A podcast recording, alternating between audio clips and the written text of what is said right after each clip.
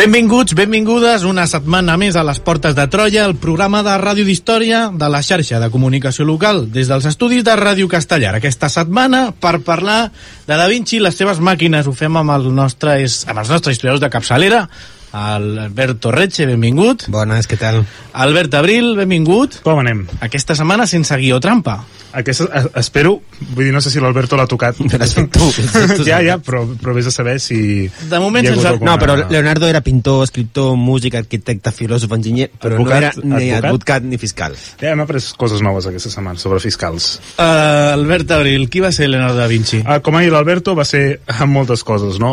Da Vinci, per molts historiadors, ha encarnat l'ideal aquest del, de l'home renaixentista, de l'home humanista, que uh, engloba totes aquestes ciències, no? És pintor, músic, filòsofs, eh, es, escriptor, enginyer, però sobretot, sobretot, sobretot serà un artista i com eh, relacionat amb l'enginyeria també serà un gran inventor i, i en això serà una miqueta en el que ens centrarem avui, deixarem de banda aquest Leonardo més conegut de la Mona Lisa, del Sant Sopar, etc. i ens centrarem més en un Leonardo que segur que ens sonen moltíssims dels seus gravats i dels seus esborranys eh, que és el Leonardo inventor i parlarem sobretot de les seves màquines i de les seves invencions.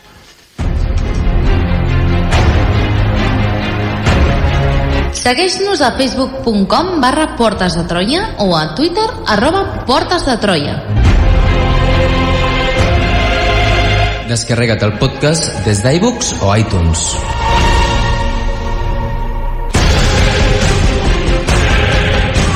I descobreix tots els continguts del programa a la nostra pàgina web www.portesdetroia.cat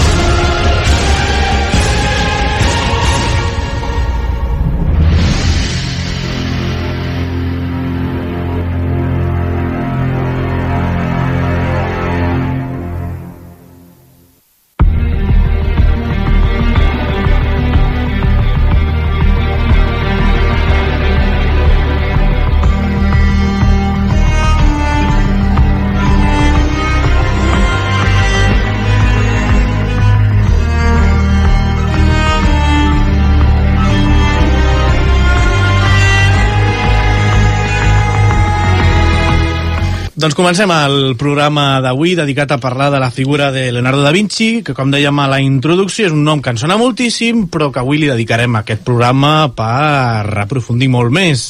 Albert, coneixem moltes coses de, de Leonardo da Vinci? Coneixem moltes, moltes, moltes coses de, de Leonardo da Vinci. Uh, de fet, molta gent coneix massa coses de Leonardo da Vinci perquè uh, en els últims anys des de l'estrena de la pel·lícula del Código da Vinci i tota aquesta leonardomania que s'ha anat, que s'ha anat creant i ara ha aparegut la tira de catàlegs eh, les màquines de Leonardo da Vinci les, els secrets darrere les obres de Leonardo da Vinci les intencions de Leonardo da Vinci Leonardo, la, els amors i el, les relacions de Leonardo da Vinci bueno, hi ha mil coses eh, que actualment Leonardo Català de l'any, també. També de Sant Esteve de les Roures, m'han dit. Uh, però bé, uh, és un personatge que potser estem saturats d'informació. De fet, et dedicar un, un programa sobre Leonardo da Vinci també seria A, a, mi, molt... a mi em sembla fatal. Sí? No, perquè només Leonardo i la resta de les tortugues ninja. Que, Bueno, un altre dia farem Rafael, clar, no? ja posam. Donatello. Però, bueno, anava a dir que potser ens hauríem de disfressar i tot, però... Jo, jo molt a favor, eh? Jo, sí? Carnestoltes, podem fer aquí un, un, una disfressa col·lectiva. Nosaltres Bueno. bueno. tres, Salva, si la- seríem les quatre tortugues ninja troianes. Endavant. A mi em sembla bé. I, I ja que fem l'idiota, fem junts. Uh, però bé, coneixem, o sigui, coneixem moltíssimes coses. Tenim, estem abordats d'informació i a vegades massa, no? De fet, la cançó aquesta que ha sonat ara a la, a la, a la introducció és la introducció d'una sèrie que va sortir no em feu dir l'any, crec que deu fer uns 5 anys, 6, 7 anys més o menys, uh, que tracta de Leonardo da Vinci, clar, ens pinten un Leonardo que va molt lluny del Leonardo que realment va ser, no? O sigui, agafen tots els mites i totes les llegendes i tots els secrets aquests obscurs negres que hi ha al voltant de la figura de Leonardo i els concentren tots en una sèrie que, bueno, que és entretinguda, no? però que no, no intentem buscar-hi un, un valor, un valor hi- històric. Uh, llavors, uh, què coneixem realment de Leonardo, no? Uh, de Leonardo, uh, una de les coses bones que tenim és que de, de part seva, de primera mà, ens han arribat molts, molts, molts, molts documents que actualment es conserven la majoria a Milà i a la ciutat del Vaticà. Però estic parlant de, de desenes de milers de pàgines. Vull dir, tenim moltes pàgines de molts quaderns. Ah, després en parlarem una miqueta més. Però una cosa també molt interessant és que tenim una biografia de Giorgio Vasari que és un biògraf italià de, que al 1550 va publicar tota una sèrie de biografies dels artistes del Renaixement. I això està molt bé perquè és una font que és molt pròxima a Leonardo. Vull dir, és, són 30, 20 anys després de la seva mort més o menys, 30 Uh, i això ens dona moltíssima informació bastant fideligna sobre, sobre la seva vida. Per tant, és un personatge que podem saber uh, què va fer, per qui va treballar, on va viure, um, bueno, quines eren les seves aficions, i més endavant i, potser intentarem i tot descriure una miqueta què pensava i, i, i com era. Molt bé, això en general sobre Leonardo, però avui ho avançava el Salva a la intro, ens centrarem a les seves màquines. Exacte, de fet, um, Leonardo se li ha donat moltíssimes voltes pel tot el tema de el Sant Sopar que amaga aquesta pintura, no? Té moltes incògnites, no té incògnites, té enigmes darrere, o la Mona Lisa. Qui és realment la Mona Lisa? En qui es va inspirar Leonardo? La seva amant, un home, a la seva mare, jo què sé. Vull dir que hi ha mil teories, però jo penso que aquestes ja estan uh, bastant explotades, i en canvi hi ha tot un enigma que és tot un conjunt d'enigmes i és que són totes aquestes màquines i tots aquests enginys que van inventar o dissenyar a Leonardo da Vinci, no? que va fer des d'esborranys de, de màquines de guerra que veurem que són, bueno, que són bestials, no? uh, màquines, uh, màquines de, bueno, de voladores i també enginys mecànics que servien per facilitar la vida de molts treballadors, de transportistes, d'estibadors, Sí, sí, de fet, Leonardo a l'època tenia més fama per enginyer que per pintor. Exacte. Era una d'aquelles... Ara ens sembla un home del Renaixement, però era, era un loser, era un pobre frustrat perquè ell volia ser pintor i no el deixaven, mm -hmm. perquè sempre el contractaven com a enginyer, com a, com a científic... Llavors aquí hi havia un, un traumita. Mm -hmm. De fet, sobretot aquest traumita l'agafa Roma, ja, ja, ja veurem com, ja veurem com n'arriba, però sí, sí.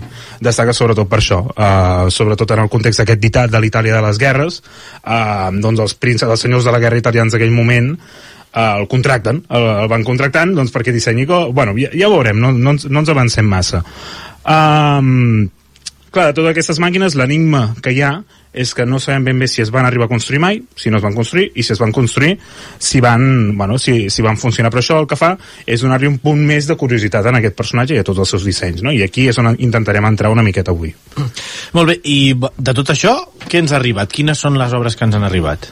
Uh, les obres que ens han arribat d'ell, de primera mà, escrites per ell de primera mà, uh, són moltíssimes. L'únic que, clar, uh, no ens han arribat llibres. No ens han arribat, uh, sí que ens han arribat llibres. Ens han arribat alguns tractats, el codi, sobretot el Codi Atlàntic, que és un, bueno, és un codi que està planíssim d'esbossos de, i d'estudis sobre les formes de l'aigua, del, del, té un tractat sencer sobre el vol dels ocells, de, de les direccions del vent, de l'aire, etc.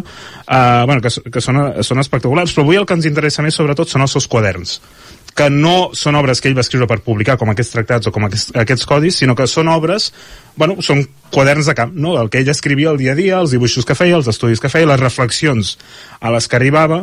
Uh, llavors, s'ha especulat que més o menys eh, ell va esbossar, va crear, per dir d'alguna manera, 52.000 pàgines, eh, que no és poc. Mm, òbviament no ens hem d'imaginar totes les pàgines igual, uh, però d'aquestes 52.000 pàgines ens n'han arribat un total més o menys de 13.000. Per tant, estem parlant de moltíssim material de Leonardo da Vinci. Òbviament, uh, hi ha material més aprofitable i material menys aprofitable, i com he dit abans, la, uh, la majoria d'aquestes pàgines són a la ciutat del Vaticà, però també a Milà, que és on passarà gran part de la seva vida com a enginyer, inventor i arquitecte. Molt bé, doncs comencem a veure les màquines, però si et sembla fem un breu repàs per si hi ha algú al planeta Terra que encara avui no conegui qui és Leonardo. Uh, Intentem-nos, abans d'això, però, un, un nou abans, no? Posem-nos una mica en context. Sabem qui és Leonardo, sabem que viu a la Itàlia del Renaixement, però quina era la situació a Itàlia a finals del segle XV, inicis del segle XVI? El, bueno, Leonardo veurem que neix el, mil, uh, vora el 1450 i la Itàlia d'aquell moment és, eh, bueno, com ja ha avançat l'Alberto, és la Itàlia, la gran Itàlia del Renaixement, que tots tenim moltes imatges d'aquesta Itàlia, per tant no ens, no ens hi posarem gaire, però sí que el que sí que hem de tenir en compte és que aquesta Itàlia és una, és una Itàlia que està constantment disputada per grans ciutats mercantils de bueno, la pròpia Itàlia, no? Rivalitats entre Venècia, Florència, Milà, a Pàdua, Màntua... Luca.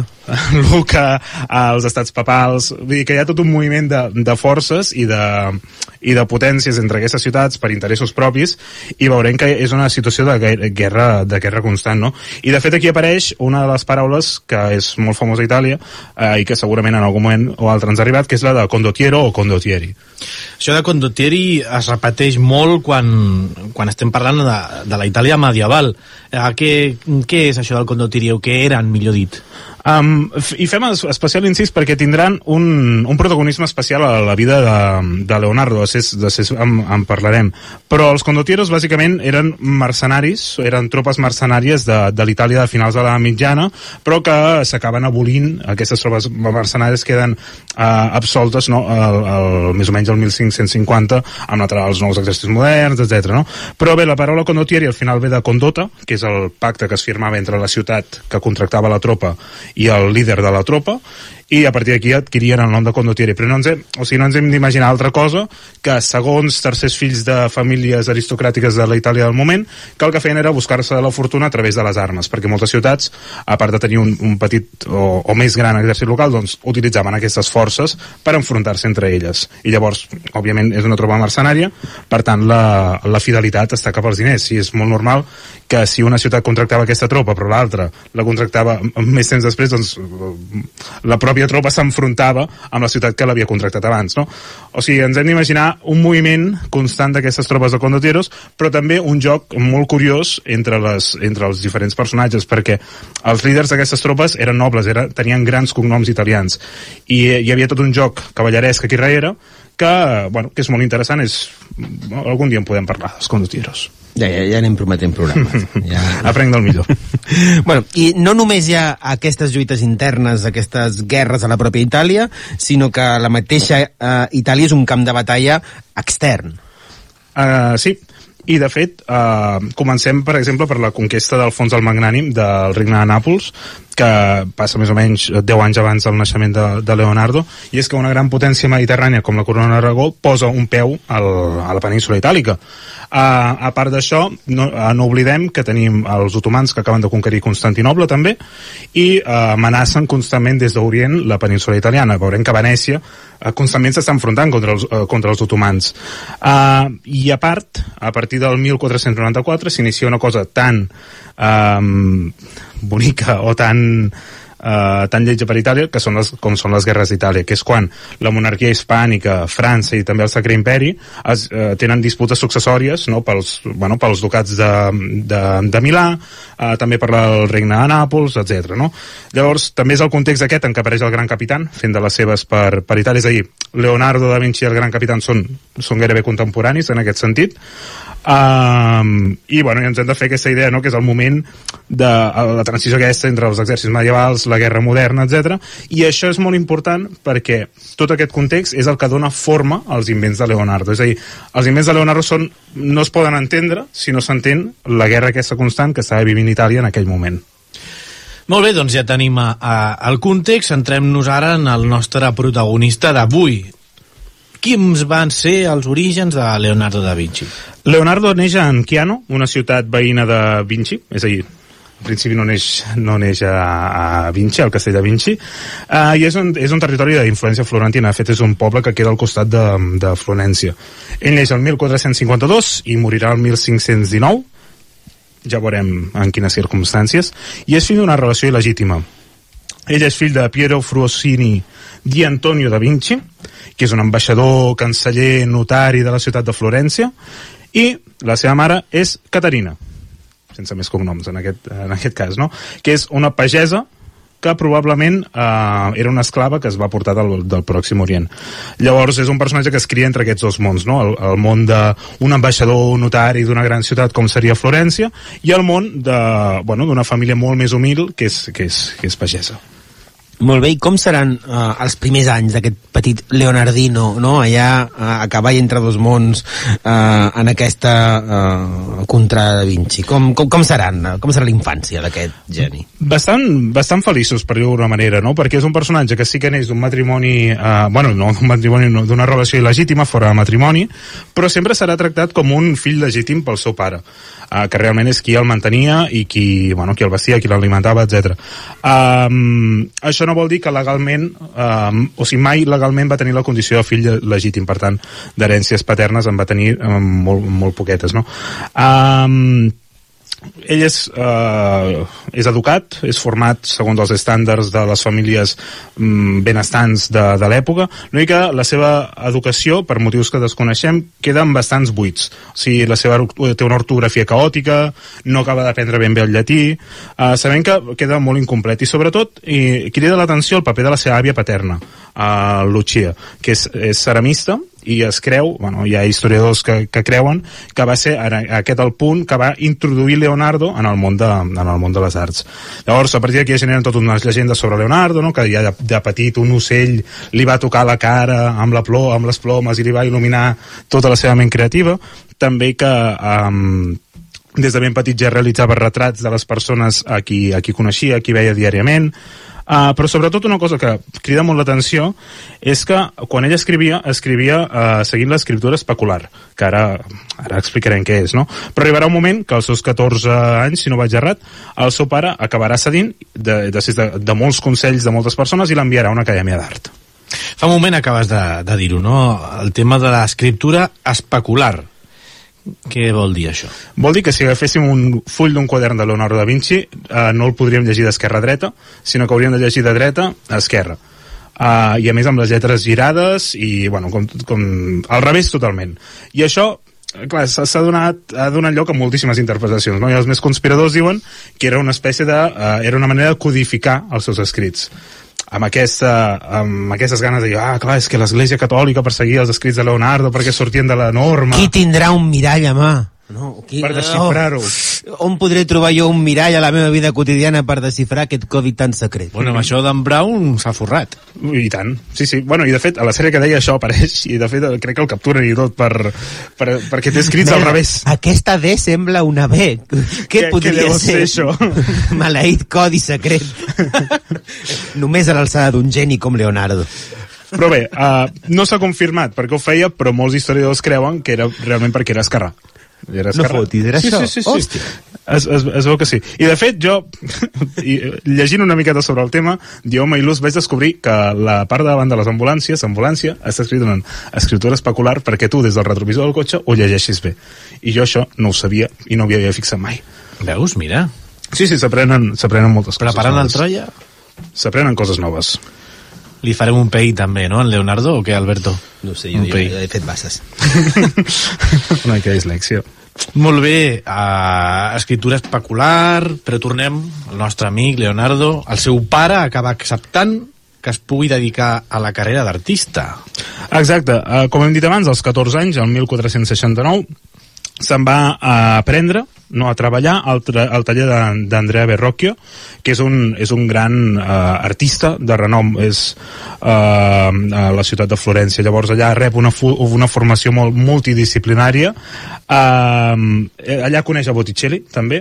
Uh, fa escultures, fa quadres, uh, fa moltíssimes coses, i de fet és allà mateix quan comença a cridar l'atenció un altre personatge important d'aquell moment, no? que és uh, Llorenç el Magnífic, uh, Llorenç de Medici, que és un personatge um, rellevant en la, en la Florència del moment. En aquell taller no només es dedica a l'art, sinó que aprèn les bases de la metal·lúrgia, el treball en cuir, la mecànica i la fusteria, i també és en aquell moment on s'origina un dels grans mites de Leonardo i és que és acusat de sodomia eh, juntament amb tres altres homes llavors a partir d'aquí s'han generat moltíssimes hipòtesis sobre la inclinació sexual de, de Leonardo da Vinci però bé, la conclusió és que eh, els, tots van acabar absolts no? i en aquest taller s'hi estarà uns 9 anys més o menys i el, 1800, i el 1478 és quan Leonardo entre cometes obre les seves ales i comença a practicar com a artista i enginyer independent A les portes de Troia. La història a la ràdio. Descobreix tots els continguts del programa a www.portesdetroia.cat.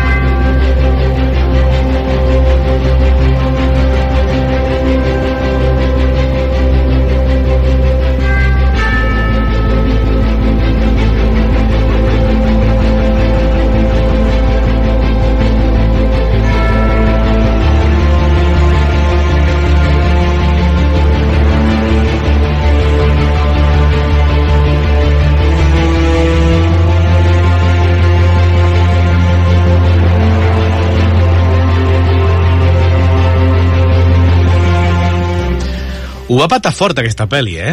Ho va patar bastant fort. Estem escoltant la banda sonora de- del Código da Vinci, Hans Zimmer, per qui no el hagi reconegut, que sempre fa el mateix i ho fa molt bé, perquè tot s'ha de dir, i després, clar, de tot l'èxit del llibre, tot això, ho va patar molt fort. La pel·li deixa veure. Es deixa veure, es deixa No, veure. A tu què et va semblar, Alberto? No l'he vist, No l'has vist? però puc opinar. A veure, Pots- mai, ja ho vas, opinar, ja ho has fet, això. mai, mai deixarem que no saber d'una cosa. Ens impedeixi opinar sobre ella. Ens impedeixi opinar. Què, què diria de nosaltres? Eh, a mi, eh, molt, eh, molt. Molt, molt bona fotografia, molt, molt, molt bona producció, uns paisatges fantàstics. Oh, Alberto, que bé, que bé comentes. Pots venir la setmana vinent a seguir parlant del Eh, tema? vale, vinga, va. Vale, Albert, ja tenim a Leonardo campant per Itàlia com a, com a independent. On el portaran els camins de la Toscana? Uh, primer lloc. Uh, de fet, primer d'estar uns anys a Florència, continuant treballar per, uh, per aquest taller, l'únic que d'una manera molt més independent, fent encàrrecs personals per Lorenzo de, de Medici. Seria el becari de Lorenzo. Podries, bueno, el bec- becari, bueno, és, és el, Lorenzo és el, Llorenç és el, és el mecenes, no? Però podríem dir que és el becari. Uh, després d'aquesta estada a Florència, inicia tota una sèrie de viatges mediàtics, uh, formatius, de feina... Uh, bueno, ja veurem que el portaran per llocs molt... Bueno, llocs tan diversos com Itàlia. Uh, però el portarà a moltes ciutats uh, fent càrrecs bastant, bueno, bastant diferents no? en aquests viatges es coneixerà grans personatges il·lustres, matemàtics altres artistes, historiadors, militars escultors, filòsofs, etc i també s'anirà formant, no participarà a 40.000 debats sobre aquesta cúpula d'aquesta catedral s'ha de construir així dit Leonardo podrà dir la seva, aquests jardins s'han de construir així, aquesta presa d'aigua per desviar aquest riu, no sé què, s'ha de construir així i Leonardo en aquests debats veurem que hi va participant. Llavors, Um, la seva primera destinació la- l'anticipa el propi Llorenç de Medici que l'envia a Milà no? ja que té um, ja que Llorenç es sent mm, bueno, admirat per l'obra de Leonardo doncs diu, ostres, doncs l'enviaré cap a la meva família rival que són els Esforza de, de Milà, l'enviaré cap allà com a acte així una miqueta de... El va enviar a l'Esforça, no? uh, sí, a la força el va enviar a Milà I allà què hi farà? Doncs a Milà, Leonardo és on comença, bueno, en primer de tot, intent, en un ambient molt més acadèmic, a Milà, intenta omplir primer els seus buits, els buits mm, de l'aprenentatge que li ven cada quan era, quan era petit, per tant es forma, i llavors els esforços el nomenen organitzador de festes. I allà Leonardo, durant molts anys, és organitzador de festes i es dedica a crear tota una sèrie d'enginys uh, de màquines que el que fan és distreure al públic, com serien autòmates, uh, personatges que, es, que mouen una mica els braços sols, carritos que es mouen Com sols Joe per Biden. l'escenari. Com Joe Biden, exacte. allà, allà... El Leonardo agafant-lo per darrere. Ben entrat, eh? Joe Biden aquí. Sí. Tu, tu creus que Kamala Harris està darrere ja fent... fent Estaria, com guai. Un Puccinelli. Un Puccinelli. O el seu uròleg. Clar, no saps si és el, no saps si és el proctòleg o, o Kamala Harris. Eh, bueno. Um, preferia pensar en un Puccinelli. No vull ser l'uròleg de Joe Biden, no de ningú, però... és, és que t'anava a dir. No, No, Joe no. Biden no, L'uròleg però... de Joe Biden, molt bé. No, no, no. Això està degenerant, eh? Um, Però bé, a Milà és quan Leonardo, com deia l'Alberto abans, comença a destacar com a enginyer. No? Ja fa diferents obres com a millora rellotges, millora talers i sobretot millora moltes grues per a, bueno, òbviament per aixecar pesos, doncs ell amb uns sistemes de palanques i de, tor de torsió de diferents metalls doncs aconsegueix crear unes grues molt més eficients. Llavors, també, una cosa que m'ha agradat l'atenció és que eh, és en aquell moment que Leonardo dibuixa un cavall, no? un cavall que havia de fer una estàtua de bronze, no sé què, i fa uns, uns esbossos. I llavors, buscant i buscant, he descobert que és un meme molt recurrent, que és aquell cavall que cada cop es va transformant, no? que és un cavall partit en tres, i normalment es fan sagues de pel·lícules, no? que per exemple, El Senyor dels Anells, eh, la primera part del cavall és preciosa, la segona part del cavall és preciosa i la tercera part del cavall és preciosa. Però, per exemple, amb les sagues de Star Wars, la primera part del cavall, la saga original, és preciosa, la del mig Tu l'estàs entenent? Sí, però sí? no estic no d'acord. us sona, no sona aquest Sí, cavall? sí, sí, sí, ah, sí. gràcies, gràcies. I, quina, i. I de les tres parts del cavall, quina és la de Leonardo? Uh, li haurem de preguntar a l'uròleg, no sé. Um, però... Teniu una fixació anal molt, molt potent, eh? Bueno, sí, què passa? no sé, sí. això Freud tindria molt a dir. Uh, però bé, uh, en aquesta època també el que fa són molts plànols urbanístics, reconstruccions de cases, de muralles, fa diversos projectes tècnics i militars, perquè en aquell moment Milà ja es comença a ensumar bueno, que li vindran guerres d'Europa. De, d'Europa. Llavors, aquesta bona vida de Leonardo fent una mica... Organitzador de festes... Castaulletes, Sí, allà sí. fent una mica de tot, Mhm. eh, hem d'entendre que li durarà poquet. Uh, no, de fet, poquet no. S'hi està bastants anys a Milà i s'hi estarà fins al 1499. Per tant, s'hi s'hi està, bueno, s'hi està uns Es 15 re- anys. es recrea. Es recrea bastant. Uh, té moltes idees per la festa, ell. Uh, el 1499, les tropes de Lluís, uh, Lluís XII, que el rei de França, conquereixen el ducat de Milà, en el context aquest de les guerres italianes, i llavors els Esforza, la família governant, el que fa és retirar-se cap al Sacre Imperi. De fet, els Habsburg i els Esforza són, bueno, són, són famílies, es- estan emparentats. Um, llavors, en el moment que els francesos entren a Milà, el que fa Leonardo és començar a treballar pels francesos i durant un mes treballa pels francesos bueno, un mes o diversos mesos treballa pels francesos fent estudis de les fortificacions o fent informes de les fortificacions de la Toscana ja que la Toscana Leonardo sí que se la coneixia bastant bé llavors el 1499 eh, passat aquest temps de treball Leonardo aconsegueix fugir cap a Màntua és a dir, fuig dels francesos com bona persona racional, no? Uh, a veure, a veure, a veure, a veure. Fugir francesos ve a la mateixa frase, però l'ordre és al revés. No, Francesos fugen. francesos, Són els que fugen sempre, no? Són especialistes en rendir-se. Són especialistes en rendir-se, però... Home, el sempre- 40 ho van fer. Per això. Sí, però en aquest context veurem que no tant com el 40, eh? Uh, ell fuig cap a Màntua i després uh, fuig cap a Venècia. Llavors a Venècia és on continua destacant com a enginyer militar, uh, dissenya unes fortificacions de mar i unes fortificacions de terra, sobretot pensades per aturar una possible invasió otomana. Llavors és en aquest context quan fa un dels seus primers invents, que és l'escafandra. I podríem dir que Leonardo és, entre cometes, l'inventor de l'escafandra. L'únic que és una escafandra que en els dissenys que hi ha escrits mm, gravats no, no especifica les qüestions tècniques de com surt l'aire, com entra l'aire... Ah, així també invento jo coses. Exacte. Uh, llavors no se sap ben bé si va funcionar o no va funcionar, però el que sí que sabem és que en aquest dibuix hi ha una cosa que em va cridar bastant l'atenció i que alguns historiadors de l'art han interpretat que és una bossa per l'orina. És a dir, fas una escafandra i li fas una bossa perquè el cavall dins l'escafandra pugui pixar i no pixi al mar, no fos cas. Vull dir, està... Una mica, no se sap, no està Bueno, confirmat. per escafandra tant... i sostenible, això està bé. Uh, llavors, després de, de dissenyar aquesta escafandra, continua fent els seus viatges, Venècia, Màntua, Florència, Venècia un altre cop, se'n va a Roma, però un dels moments que ens interessa més és quan comença a treballar per un personatge que, com César Borja. Un altre nom que, que ens sona. Eh, Albert, qui era aquest tal César Borgia? Doncs és fill del papa de Roma, del moment d'Alexandre VI, que César Borja, en aquest cas, és un condottiero, i per això abans hem explicat una miqueta què eren els condottieros.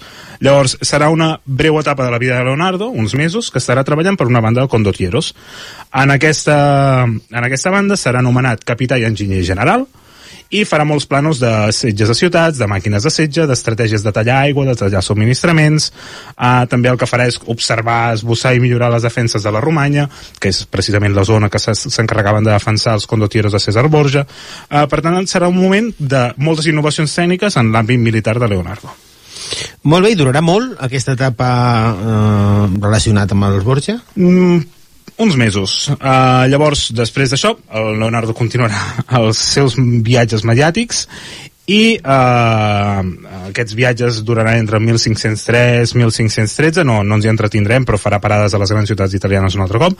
Pel camí, entre aquests 10 anys la, el milanesat ha canviat de mans entre hispànics, uh, francesos i, i alemanys Um, i inclús durant aquests anys uh, això del milanesat és important perquè després Leonardo retornarà a Milà i serà important qui és el, en quines mans està, està la ciutat de Milà durant aquest temps uh, Leonardo treballarà per Lleó Desè, el papa Lleó Desè, que és el papa que també entra en contacte amb Rafael i Michelangelo, també, per tant és un moment... Seria el, el mestre Estallico. Podria ser el mestre Estallico. Podem dir que el papa Lleó era Lleó, però una mica rata. li faltava un. Li faltava en Donatello, sí. però no passa res. Bueno, ha- hauria anat per pizzas. Sí, sí, sí, sí. sí. Uh, hòstia, podria haver posat la música de les Tortugues Ninja. Ja, bueno. Tu ho haguessis fet. Jo, ho hagués, jo, Tu vamos, haguessis- jo, jo estic totalment a Sí, dins. sí, ho haguessis A favor, fet, merda. favor. No hi he pensat. No, no so, encara no sóc prou expert. Uh, però bé, què li passa a Roma? Doncs que Roma comença a patir els seus traumes i les seves frustracions, perquè ja, es bon, uh, ja comença a ser una mica gran Leonardo, si fem càlculs aquí ja té 60, 60 anys, i ell el que vol ser, com ha dit l'Alberto, és un artista, ell vol pintar, uh, no fer escultures, de fet aquí tindrà unes grans discussions amb Michelangelo, uns grans debats filosòfics sobre si és millor pintar o és millor fer escultura, però que tampoc, tampoc hi entrarem, òbviament. Uh, però ell uh, intenta uh, pintar quadres, però no té èxit. Precisament a Roma no té èxit. Té petits encàrrecs, petites cosetes, però sobretot té encàrrecs de uh, desviacions de rius, de fortificacions, de reconstruccions de palaus, de reconstruccions de muralles, etc. Llavors aquí Leonardo se li atribueix una frase... Clar, Lleó, Lleó Desè és, és un Medici. Abans el papat estava con- controlat per Borja, ara, pels Borja, ara està controlat pels Medici. Uh, ell diu, els Medici m'han creat, no? Llorenç el Magnífic és qui m'ha promocionat cap a la plana major dels artistes italians i els, i els Medici m'han destruït. La sort d'en Leonardo canviarà? En... Depèn, depèn de com, del punt de vista que ho mirem, no? Sí i no. Sí, i no. Ai, sí, sí, no. Ara fa molt temps que no ho dius. 4 segons. Feia molt temps que no ho deies. El 1515, Francesc I, el nou rei de França, eh, reconquereix Milà. Un altre. Després de la batalla de Marignano, que és una batalla en què els francesos s'imposen amb un parc artiller enorme i vencen els exèrcits eh, milanesos i suïssos, um, uh, Leonardo dona la, casualitat que està a Milà en aquell moment. I el que fa uh, Francesc I és endur-se a Leonardo a França. Llavors, en aquell moment Leonardo comença a viure molt millor però se'n va a França. Llavors no sé si la seva sort canvia cap a bé o cap a, o, o cap a malament. I a França s'endú el seu aprenent um, a França Leonardo viu a París, viu en una casa molt benestant, el, allà continua produint moltes, sobretot és una etapa de molta producció artística, allà sí que es valora molt més el seu art. Sabem que, per exemple, Leonardo és present en una reunió de pau entre Francesc I i Lleó Desè, uh, ja que és conegut i amic dels dos, tant de Lleó, que havia, havia treballat per ell, i de Francesc I. Uh, I una petita anècdota d'aquest bueno, d'aquest període, podria ser que Francesc I li encarrega un lleó mecànic, lleó mecànic, un gran lleó mecànic que caminés i que se li obrissin com unes comportes al pit i que de les comportes al pit li sortís una flor de lis la flor de lis de, de França, no? Uh, clar, d'això en tenim diversos esborranys i segurament és una cosa que mai arriba a produir en, en, en Leonardo. Uh, continuem tenint mil esborranys, projectes que potser mai s'arriben a construir i aquesta etapa del 1516 a 1519, que és uh, l'any de la seva mort, la passarà a França. Uh, I llavors el 1519, com acabem de dir, uh, Leonardo da Vinci es mor. Molt bé, sabem que Leonardo està fora, no? Leonardo ja, ja ha mort, però també ens has dit que conservem eh, molts milers de pàgines manuscrites de Leonardo. Eh, això vol dir que hi ha passat, ha passat alguna cosa que ha propiciat que es conservin. Qui serà, qui serà l'hereu de Leonardo? Qui deixarà totes les seves propietats, les seves obres d'art, els seus escrits? Tot això i algunes terres que també posseïa, que va aconseguir posseir a Leonardo a partir d'una petita herència que li va deixar el seu pare, li deixa en el seu aprenent a Francesco Melzi, que eh, unes altres hipòtesis també diuen que era el seu amant, bueno, eh, ja sabem què passa amb aquests personatges del, bueno, amb aquests personatges que generen moltíssimes hipòtesis i que són molt difícils de demostrar o de, o de desmentir, no, en aquest cas. Llavors tots els llibres, diaris, diners, terres, instruments, manuscrits la gran majoria se les emporta amb, amb Milsi. Llavors, en Francesco, el, el problema que hi ha és que mai ho, mai ho publica, sinó que ho guarda, ho guarda tot, i molt temps després tot això es, bueno, es, es redescobreix, no? De tot això que se n'ha dit després de tot aquest temps, nosaltres podem arribar mm, de forma fefaent a saber com era Leonardo, què pensava, en què es fixava... Uh, podem arribar a conclusions que potser no són massa exactes, no? però ens podem fer una mica una idea de com era gràcies als seus esborranys, als seus dibuixos, als, les seves pròpies reflexions filosòfiques i les seves biografies. No? Uh, sabem que Leonardo uh, li agradava viure una vida ostentosa, li agradava vestir bé, amb robes llampants, uh, viure tranquil, menjar bé, beure bé. Uh, també sabem que era una persona bastant solitària, que li agradava ser sol, eh, no compartir grans espais amb, amb, amb moltíssima gent, eh, però també, sobretot, una cosa que sí que podem confirmar és que era una persona impulsiva, que deixava moltes, moltes coses a mitges. Veia una cosa, s'obsessionava amb aquesta cosa, potser estava uns mesos seguits que només pensava en allò i només dibuixava sobre allò, però llavors de cop l'abandonava. És a dir, potser molts d'aquests enginys mai s'arriben a dur a terme perquè Leonardo mai acaba de dissenyar-los del tot o mai acaba de calcular les coses, bueno, les, els càlculs tècnics que són necessaris doncs, per, per fer funcionar les diferents màquines. Um, és un personatge que és molt empirista, no, això d'observar molt i no pensar tant uh, de, bueno, que la gran part del coneixement l'adquireix viatjant, observant, xerrant amb la gent uh, etc. Llavors també sabem que es fixava moltíssim en la natura com a bon humanista no? uh, que li encantava observar l'aigua té molts, molts, molts dibuixos d'aigua Um, si algú, bueno, segurament us sonen uh, o si algú s'anima a buscar aigua Leonardo da Vinci, hi ha 30.000 esbossos d'onades, de rius, de, de crescudes de marea, de, de marees baixes, etc. I una altra cosa que li fascina són, és el vol dels ocells a partir d'aquí generarà totes les màquines eh, dissenyarà totes les màquines de, de vol no? i finalment Uh, bueno, finalment encara no uh, també li interessarà moltíssim el cos humà també un altre cop com a bon renaixentista no? uh, que tenim l'humà com a centre i mesura de totes les coses um, i uh, el, o sigui, els seus dibuixos i els seus estudis sobre el cos humà són, són bestials. Vull dir, són una passada. Els ossos els fa com gairebé són, o sigui, els dibuixa com, com són. O sigui, segur, segur que Leonardo va practicar un parell o tres d'autòpsies. Uh, que això en, en aquell moment sí que estava una mica més mal vist. Um, Llavors també, eh, com, a, bueno, com a renaixentista està molt preocupat per les proporcions, per les perspectives, etc. i es fixa moltíssim en el nombre d'or, en la proporció àurea, que Vitruvi, l'arquitecte i també pensador, pensador grec, ja havia, bueno, ja havia començat a, a teoritzar sobre ell. No? Els temples grecs havien de seguir unes proporcions, no sé què, que seguien el nombre d'or. Llavors Leonardo el que fa és encarregar-se de fer estudis de tota la natura, um, sobre el nombre d'or, no? I aquesta flor que té aquesta forma segueix l'hèlice aquella que segueix les proporcions àurees, no sé què, però el més interessant um, és l'home, en aquest cas és l'home de Vitruvi. L'home de Vitruvi, que és el quadre de Leonardo bueno, el quadre no, el- l'esborrany el gravat de Leonardo da Vinci que és l'home enmarcat en un cercle. De fet és molt maco, ara els oients no ho veuen però l'Alberto porta una samarreta d'en Groot de Guardians de la Galàxia fent d'home de Vitruvi. To- Totalment casual. totalment casual um, però que aquesta o sigui, l'home Vitruvi el, el que fa és eh, demostrar que el cos humà segueix unes proporcions concretes, no? Ara no me'n recordo ben bé, però Leonardo té, té pàgines senceres explicant això, per exemple, que si estirem els dos braços en totals, la distància que hi ha entre el dit més llunyà i l'altre dit és igual a, a la distància de la nostra altura. Llavors que eh, no sé quants pams ens pots fer un braç, però que és igual a la meitat d'una camp. Bueno, ara això, aquesta segona dada me l'he inventat, però la idea, la idea és, que, és No passa aquesta. res, darrerament ens inventem moltes coses al Troia. Uh, no diguis gaire Preguntes i no coses d'aquestes. Això, sí, sobretot preguntes. Sí, per ficar acudits.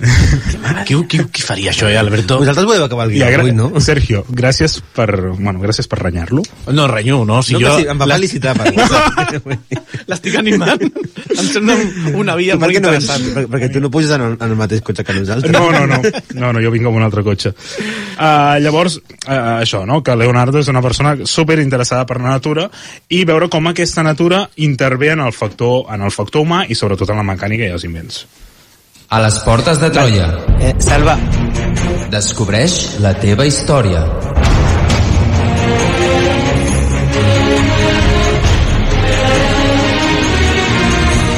Troba'ns a facebook.com barra Portes de Troia i a Twitter arroba Portes de Troia.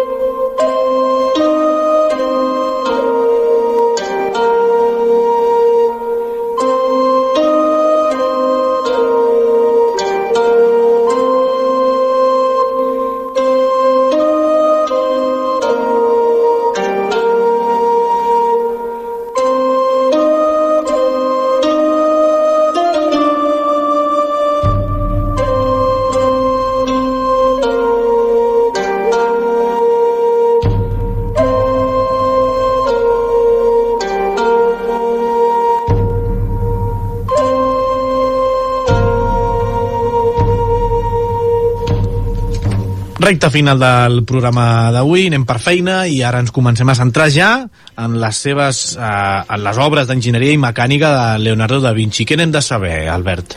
Bé, que els dissenys de Leonardo eh, són moltíssims, però molts d'aquests, si nosaltres els miréssim, ens recorrerien a, a dissenys actuals. Uh, per exemple, el tanc, no? El Leonardo uh, dissenya una espècie de tanc, una màquina de guerra coberta amb canons que ens podria fer pensar directament amb els tancs, per exemple, de la Primera Guerra Mundial, no? Uh, també ens crida molt l'atenció que Leonardo, per exemple, mai es fixa en un invent que en aquell moment uh, bueno, té molt èxit, és... Uh, és una cosa que és novedosa, que s'està innovant en aquell moment, que és la impremta. Leonardo en cap moment parla de la impremta ni, ni s'interessa per, per això. Escrivint al revés. una impremta especial per ell. Um, llavors, el problema de les màquines de Leonardo és que mai arriba a especificar com funcionen o quins càlculs matemàtics. En alguns casos sí, però en molt pocs casos són màquines realistes, no? Um, potser l'objectiu de Leonardo no era la màquina com a tal, sinó introduir la, a la mecànica tots els elements que Leonardo ha après de la natura, no? O sigui, el funcionament de l'aigua, doncs potser el puc aplicar en, els, en unes astes d'uns carros. El, la direcció del vent, doncs potser la, puc aprendre les coses que he après dibuixant sobre el vent per aplicar-ho a les meves màquines voladores i entendre la física del vent i com funciona, doncs per fer unes màquines voladores doncs innovadores. Llavors també és un enginyer molt polivalent, ja ho hem dit abans, no? Per exemple, quan envia una carta als Esforza per vendre els seus talents, diu així tinc plànols de ponts molt lleugers i forts i que es poden carregar amb molta facilitat. Quan un lloc està sota setge, sé com tallar l'aigua des de les trinxeres i com construir una quantitat infinita d'escales i altres instruments. I si qualsevol de les anteriors coses mencionades sembla impossible i impracticable a algú, m'ofereixo per fer demostració d'elles a un parc o a qualsevol lloc que li plagui a sa excel·lència esperem que no al menjador, no? Però és a dir, Leonardo aquí està dient que jo puc fer de tot. És a dir, tu el que em demanis, sé que estàs en guerra, sé que necessites un enginyer militar, jo t'ho faig, jo t'ho creo, no? Uh, els senyors de la guerra italians d'aquell moment volen armes, volen enginys, doncs jo us en dono. Uh, llavors, per parlar una miqueta, ara amb els minuts que ens queden de les màquines de Da Vinci, Uh, ho dividim, si us sembla, en tres miniseccions, que una seria les màquines voladores, una altra seria les màquines bèl·liques, que potser és la que hi ha més repertori i són les que ens criden més l'atenció, i si tenim temps després, fer una mica de calaix de sastre, de coses diverses. Vale, doncs posem-nos el, el casquet volador casquet i comencem volador. per les màquines voladores. Uh, de fet, ara que dius el casquet volador, ens va molt bé, perquè la que potser crida més l'atenció és el cargol aeri. Uh, Leonardo da Vinci crea com una espècie de protohelicòpter, proto-casquet volador, que ens hem d'imaginar uh, descrit molt a grans trets, és una plataforma de fusta, amb un màstil que puja amunt, i llavors un seguit d'un sistema de teles i amb, amb eixos de fusta, que el que fan és una espècie d'espiral cap amunt que acaba en punta, i té una forma, entre cometes, de tornavís. Llavors la lògica de Leonardo deia, igual que jo puc cargolar un cargol en una fusta, doncs la meva màquina aèria també es pot cargolar en el cel, fent un forat al cel i enroscant-se cap amunt. Què passa? que això segurament no va funcionar, no? Pel pes, per les dinàmiques de l'aire i sobretot perquè no té cua. I tots sabem que un helicòpter, per, per mantenir-se recte, necessita una cua amb una altra, amb una altra hèlice per mantenir estabilitat, no? Tots ho sabem. Tots ho sabem. Uh, llavors, Leonardo també crea la màquina voladora, que és la típica, en la que hi ha un home estirat, o una, una persona estirada, en què mitjançant els peus, eh, fent una força a mode de pedals, el que fa és accionar unes ales amunt i avall, amunt i avall, amunt i avall, seguint els, eh, com el vol d'un ratpenat. També fa ales en palanca, ales mòbils en forma de, capu, eh, en forma de motxilla, i el paracaigudes que ens agrada tant a nosaltres de l'Assassin's Creed, de l'Assassin's Creed 2 o del Brotherhood, ara no me'n recordo. Aquell paracaigudes en forma de piràmide. I a nivell de... pel que fa, pel que fa als enginys de guerra, quins destacaríem? Uh, la veritat és que moltíssims, no? A mi el que em crida més l'atenció sobretot és el, és el carro de combat, que és aquest que és com una espècie de tanc que té forma de con, és un con de, cobert de fusta i de ferro i té canons distribuïts als 360 graus de tota la seva, de tota la seva longitud. Llavors aquest tanc, clar, Uh, és fantàstic, si allò hagués arribat a funcionar en un camp de batalla hagués estat mortífer, no? s'haguessin necessitat ell calculava que unes 8 persones per, per fer-lo anar, per carregar per fer-lo per fer moure, es mouria amb un sistema de palanques que farien accionar unes rodes uh, però bé, això necessitaria un terreny superllis, necessitaria uh, una força enorme per moure's, etc. Una altra cosa, una altra cosa que crea ell és el carro falcat. Uh, tots ens sonen els carros aquells de guerra que tenen espases a les rodes que van rodant i tallen les cames de les persones uh, contrincants, no? Uh, però ell va un pas més enllà i el que fa és crear una espècie... És, és, és que és una bestiesa. Uh, ens hem d'imaginar un carro amb, el seu, amb la seva òbriga, el seu, gen, el seu conductor i els cavalls, i a davant dels cavalls i darrere dels cavalls com un aparell que té com un molinet en fals de, de segar i aquest molinet té unes rodes que amb, quan aquestes rodes giren fan girar el molinet. I clar, ens hem d'imaginar el carro avançant i fent com un, uh, com un molinet de fals de segar que ho van tallant tot el seu pas. Però passa una mica del mateix, no? que és una cosa que fa molta por quan ho veus i dius, hòstia, tant de bo tenir això en una batalla. Però eh, és poc, bueno, a part de que la seva realització i el seu funcionament és molt difícil jo penso que és una, una cosa bastant poc pràctica. Llavors una altra cosa que seria el que diríem la metralladora o el canó, o el canó múltiple que ens pot sonar eh, de tenir una imatge de tenir petits canons disposats en fila, en paral·lel, i que aquests canons, clar, es poden carregar i disparar autònomament. Per tant, jo tinc potser 20 canons posats en paral·lel, puc apuntar cap on vulgui, i clar, un tret d'això doncs em dispara 20 bales. Um, això sí que es va dur a terme, però ja s'havia inventat, és una cosa que ja, ja, estava, ja estava inventada abans. Ell el que fa és perfeccionar una miqueta, donant-li una, un punt de cargol sense fi per poder-lo graduar més amunt, més avall, i fa un altre disseny que també li permet moure'l més a la dreta o més a l'esquerra, però al final eh, la metralladora aquesta doncs ja, bueno, ja existia, ja s'havia inventat. Una altra cosa és la bombarda múltiple, ai, perdona, la bombarda múltiple, la, munició, la munició explosiva, i és que Leonardo s'inventa el que nosaltres entendríem com les bombes de fragmentació, no? Que quan dispara, explota i surten altres bombes o altres projectils que el que fan és, bueno, eh, fer més mal a, a l'enemic. I que aquestes estaven disparades per una espècie de morters, aquests canons més amples que apunten cap amunt per bombardejar des de, amb, una, amb una perspectiva molt més, amb una paràbola molt més, molt més inclinada Llavors, eh, també inventa una espingarda eh, regulable, una, una ballesta enorme que ha de ser accionada per 17, per, bueno, per 17 persones, eh, que són unes bestieses que fan molta por, fan, fan impressió en els dibuixos, però que realment no se sap ben bé si es van inventar o si tenien una efectivitat real. És, és el que faria un nen de 9 anys, no? Una, cosa gran, no? Que, que molt fum, molta cosa, però que després a la pràctica això es va arribar, va arribar a funcionar o va arribar a ser útil? No, i de fet, clar, no, no ho sabem ben bé del tot, no? perquè ningú ens diu i aquesta màquina que va inventar Leonardo da Vinci va triomfar en aquell setge o en aquella batalla. I això eh, també és molt... Eh, és molt indicatiu dels dissenys de Leonardo i és que abans hem, hem dit que molts dissenys de les seves màquines quedaven amb molts buits informatius. Però és que precisament en els dissenys que tenim més buits informatius i de, i de càlculs i de temes tècnics són en les màquines bèl·liques. Les màquines bèl·liques són unes màquines que sembla que només sigui el dibuix no en cap moment ens explica I o sigui, hi ha casos que sí que diu aquí necessitem 8 homes, aquí no sé què però en cap moment fa càlculs profuns sobre això, com funciona. I això molts historiadors, en, en canvi, en, en, en enginys més tècnics, de grues, vaixells, ponts, mòbils, etc que no, que no tindrem temps d'explicar avui, no? Uh, sí que fa uns càlculs molt, molt més específics. Calcula el pes que pot suportar un pont, calcula la quantitat de cavalls que necessita aquest pont per girar, etc. Però en les màquines bèl·ligues hi ha tot un buit d'informació que no sabem ben bé per qui existeix. Llavors, hi ha tota una sèrie d'historiadors que uh, defensen que realment aquest buit és un buit d'informació inten intencionat. I és que Leonardo venia als seus dissenys. Ell no construïa, ell dissenyava. Uh, llavors, jo et venc el meu disseny, uh, tu fas el que, vul, el, el que vulguis amb la meva, bueno, amb els meus dissenys, amb els meus esborranys, però jo no construeixo. Llavors, uh, es diu que això ho feia intencionadament perquè realment ell no volia que aquestes màquines bèl·liques s'acabessin construint i s'acabessin bueno, duent, a, duent a terme. No tenim temps per més, i mira que Leonardo da Vinci dona per més, eh? Dona per, per molt més, de fet, pobres màquines les hem deixat una mica mitges, però no passa res. Moltíssimes gràcies, Albert Abril, per aquest, uh, per aquest resum meravellós que hem fet avui del, de la vida de Leonardo da Vinci. Com hem dit al principi del programa, a tothom en sona, però avui hem profunditzat molt en la seva figura.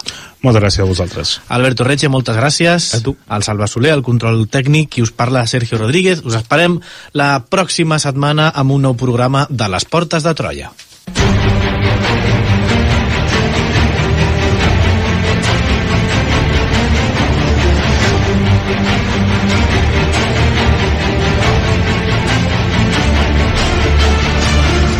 A les portes de Troia, amb Alberto Reche, Sergio Rodríguez i Albert Abril.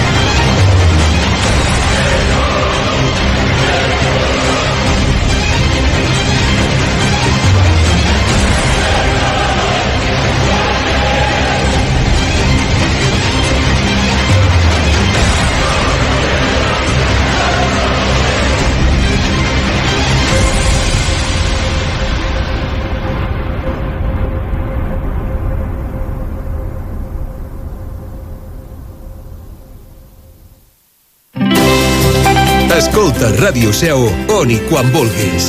Entra a l'apartat de ràdio a la carta de la nostra pàgina web i tria allò que més t'interessa de la nostra programació. Els informatius, les entrevistes, els programes musicals, culturals i esportius, la programació especial... On i quan vulguis, Ràdio Seu. A la carta des de la nostra pàgina web radioseu.cat.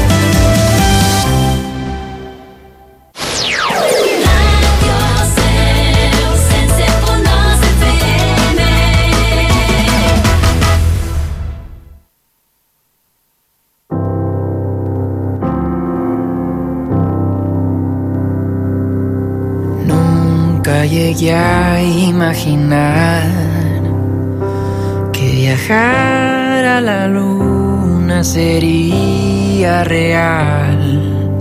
Lo pones todo al revés. Cuando besas mi frente y descubro por qué Ya no puedo inventarlo. Siento que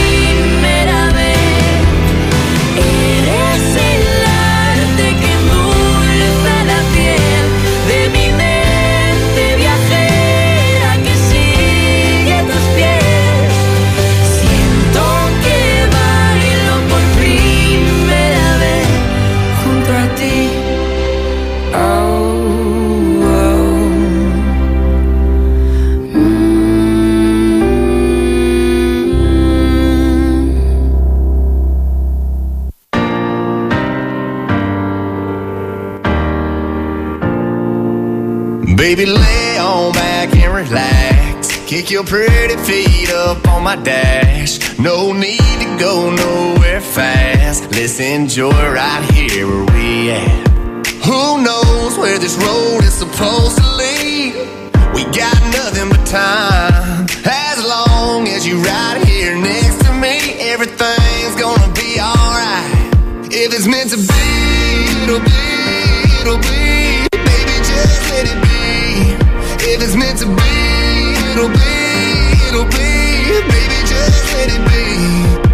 Won't you ride with me, ride with me, see where this thing goes. If it's meant to be, it'll be, it'll be.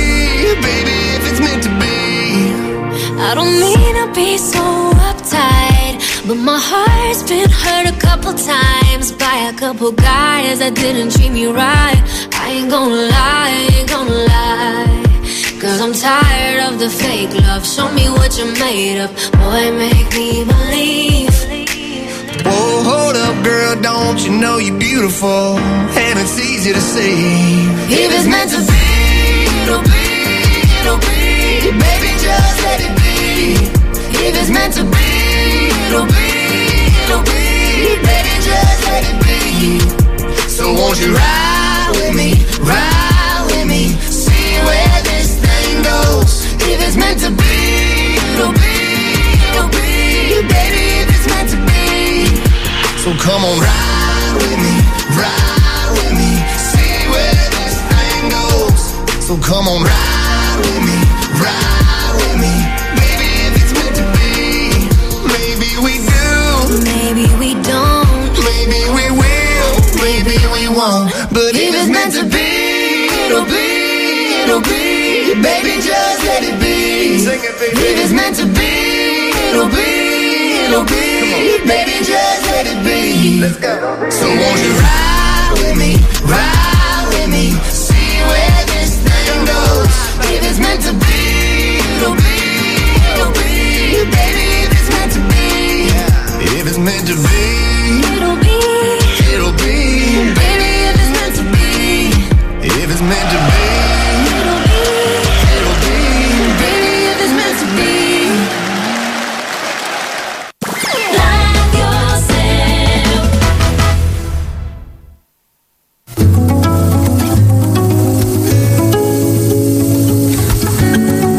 fins aquí la programació pròpia de Ràdio Seu. Connectem amb Catalunya Ràdio.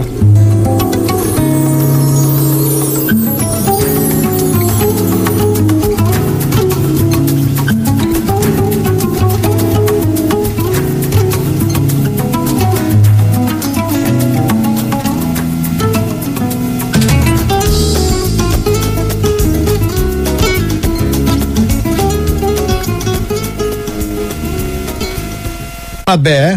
El malalt passarà de la UCI a planta